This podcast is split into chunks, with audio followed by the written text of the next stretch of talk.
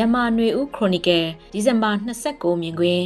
ရှမ်းမြောက်မှာ9စင်းမြောက်တရားပြက်စီးမှုနဲ့စစ်ပေးရှောင်သူတွေရဲ့အခက်အခဲတွေတလားကြော်ကြာဖြစ်ပွားနေတဲ့ကော့ကရိတ်မြို့တိုက်ပွဲတကြောပြန်အရှိန်မြင့်ဒီဇင်ဘာ28ရက်နေ့ကတီဘောနဲ့နတ်မတူကြားကားလမ်းပေါ်မှာဖြတ်တန်းတိဆောက်ထားတဲ့မိုးတေတရာပျက်စီးသွားပြီး ရင်ငယ်တွေသာသတိပြုတ်ဖြတ်တန်းသွားလာနေရပြီးကားကြီးတွေဖြတ်တန်းသွားလာလို့မရတော့တဲ့အနေအထားဖြစ်နေတယ်လို့သတင်းတွေမှာဖော်ပြထားကြပါတယ်။ရှမ်းပြည်မြောက်ပိုင်းမှာတစ်တုံရနှစ်ခွန်စစ်စင်စတင်ပြီးနောက်နလတာကာလအတွင်း၅စင်းမြောက်တရားဖြတ်စည်းခံရတာဖြစ်တယ်လို့သတင်းတပုံမှာဖော်ပြထားပါတယ်။ပြီးခဲ့တဲ့နလတာတွင်စစ်စခန်းတွေနဲ့နန်ခမ်းနန်ဆန်ဗန်တုံမြို့တွေကို TNL ကသိမ်းယူခဲ့ပြီးနောက်မှာ နောက်ဆုံးတိုက်ခိုက်သိမ်းယူဖို့စ조사နေတဲ့မြို့ကနတ်မတူမြို့ဖြစ်ပြီးအခုပစ္စည်းသွားတဲ့မူတေတရာကနတ်မတူနဲ့တီဘောမြို့ကြားဆက်သွဲထားတဲ့တရားတစ်စင်ဖြစ်ပါတယ်။တရားဖြစ်စီရတဲ့အကြောင်းရင်းနဲ့ပတ်သက်လို့သတင်းထုတ်ပြန်မှုဆွဆွဲမှုတွေမျိုးမျိုးရှိနေတာလည်းတွေ့ရပါတယ်။အခုတရားမတိုင်ခင်ဖြက်စီးခံရတဲ့တရားတွေကတိတ်နီတရား၊ကျင်တီတရား၊စစ်အင်တရားအစရှိတဲ့တရားတွေဖြစ်ပြီး မိုးတေတရားမတိုင်ခင်လေးစင်းကိုတော့စက်ကောင်စီကိုတိုက်ခိုက်နေတဲ့လက်နက်ကင်အဖွဲ့တွေကဖျက်ဆီးခဲ့ကြတာဖြစ်ပြီးအခုနောက်ဆုံးဖျက်ဆီးခံရတဲ့တရားနဲ့ပတ်သက်လို့တော့ TNLA ဘက်ကစစ်ကောင်စီဘက်ကဖျက်ဆီးတာလို့ဆွဆွဲထားပြီးစစ်ကောင်စီဘက်ကဝါရဖြန့် Telegram တွေကတော့တိုင်းသားလက်နက်ကင်အဖွဲ့တွေကဖျက်ဆီးတာလို့တုံ့ပြန်ဆွဆွဲရေးသားနေတာဖြစ်ပါတယ်။အခြားသောသတင်းတပုတ်မှာတော့ လက်နက်ကြီးကြားရောက်ပောက်ကွဲတာကြောင့်ပျက်စီးတာလို့ဖော်ပြထားတာတွေ့ရပါတယ်။ဒီပေါ်မြို့နယ်နဲ့နမ်တူမြို့နယ်ဆက်မှာရှိတဲ့တရားဖြစ်ပြီး TNLA နဲ့စစ်ကောင်စီတပ်တွေတစ်ဖက်တစ်ချက်စီမှာနေရာယူထားကြတယ်လို့ RFA သတင်းမှာဖော်ပြထားတာတွေ့ရပါတယ်။စစ်ပွဲတွေဖြစ်ပွားလာတဲ့အခါရှိတက်တဲ့သဘောတဘာဝအတိုင်းမြေပြင်မှာတိုက်ခိုက်ကြတဲ့စစ်ပွဲနဲ့သတင်းအချက်လက်ဆိုင်ရာဝါရဖြန့်တဲ့စစ်ပွဲကိုလည်းတပြိုင်နက်ဆင်နွှဲကြတာဟာ တဘာဝဖြစ်ပြီးအခုဖြစ်ရမှာလဲတရားဖြစ်စည်းတဲ့လက်သေးက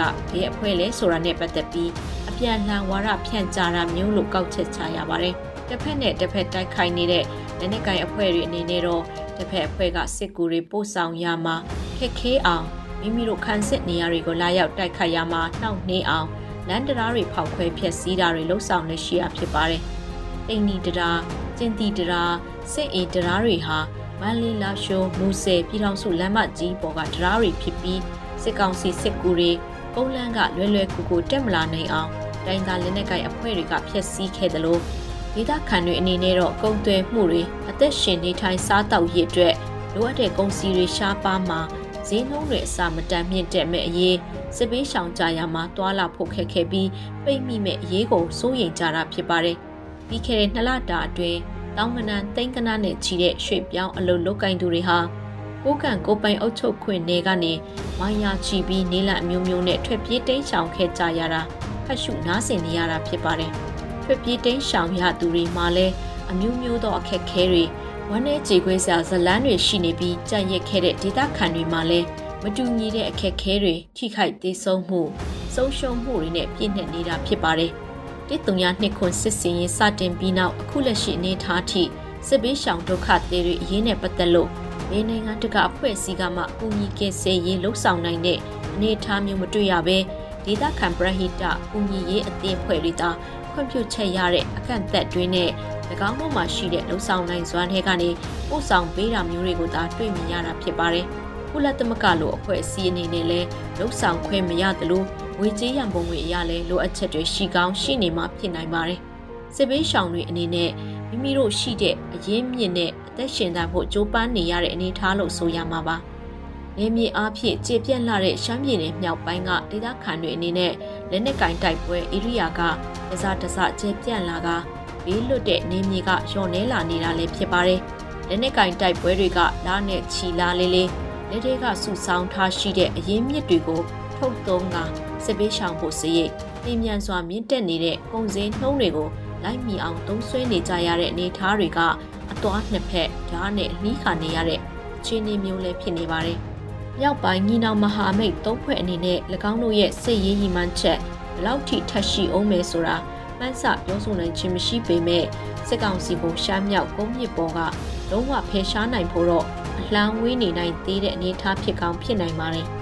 ရှမ်းမြောက်မှာလက်နက်ကင်တိုက်ပွဲတွေတရားတွေပျက်စီးကစစ်ရှိန်မြင့်တက်နေတဲ့အချိန်မှာမြန်မာနိုင်ငံတောင်ပိုင်းကရင်ပြည်နယ်ကော့ကရိတ်မြို့ကိုသိမ်းယူဖို့ KNLA နဲ့ပူးပေါင်းအဖွဲ့တွေရဲ့တိုက်ပွဲကအရှိန်လျှော့နေရကတကြော့ပြန်ပြင်းထန်လာနေတယ်လို့သတင်းဖော်ပြချက်တွေရသိရပါတယ်။နိုမာလကလေးကကော့ကရိတ်မြို့ကိုသိမ်းယူဖို့စ조사ခဲ့ရမှာစစ်ကောင်စီဘက်ကလေကြောင်းအကူအညီနဲ့ခုခံတိုက်ခိုက်နေတာကြောင့် မြို့ကိုအပြီးတိုင်းမသိမ်းနိုင်သေးတဲ့အနေအထားဖြစ်နေတဲ့သဘောလည်းဖြစ်ပါတယ်။ရှမ်းမြောက်ကမြို့တွေလိုဆက်သွယ်လမ်းကြောင်းတွေကိုဖျက်တောက်ပြီးမြို့သိမ်းယူတာမျိုးကရင်ပြည်နယ်မှာမလွယ်ကူတာတွေ့နေရတဲ့အနေအထားလည်းဖြစ်ပါတယ်။ကော့ကရိတ်မြို့တွင်းကစစ်ကောင်စီနေရာယူထားတဲ့နေရာတွေကို KNLA ပူပေါင်းတပ်ဖွဲ့တွေကသတင်းပတ်နယ်ချီတိုက်ခိုက်နေရမှာအခုရက်ပိုင်းတွင်ပြင်းထန်လာတာဖြစ်ပါတယ်။ ကရင်ပြည်နယ်မှာကော့ဂရိတ်တပ်အင်းစိတ်ကြီးစတဲ့မြို့တွေကိုသိမ်းယူဖို့ KNLA နဲ့ပူးပေါင်းအဖွဲ့တွေကစ조사ခဲ့ပေမဲ့မအောင်မြင်သေးပဲပဲကိုယ်တိုင်မုံမြို့ကိုတော့ဒီဇင်ဘာလအတွင်းသိမ်းယူနိုင်ခဲ့တာဖြစ်ပါတယ်ရှင်။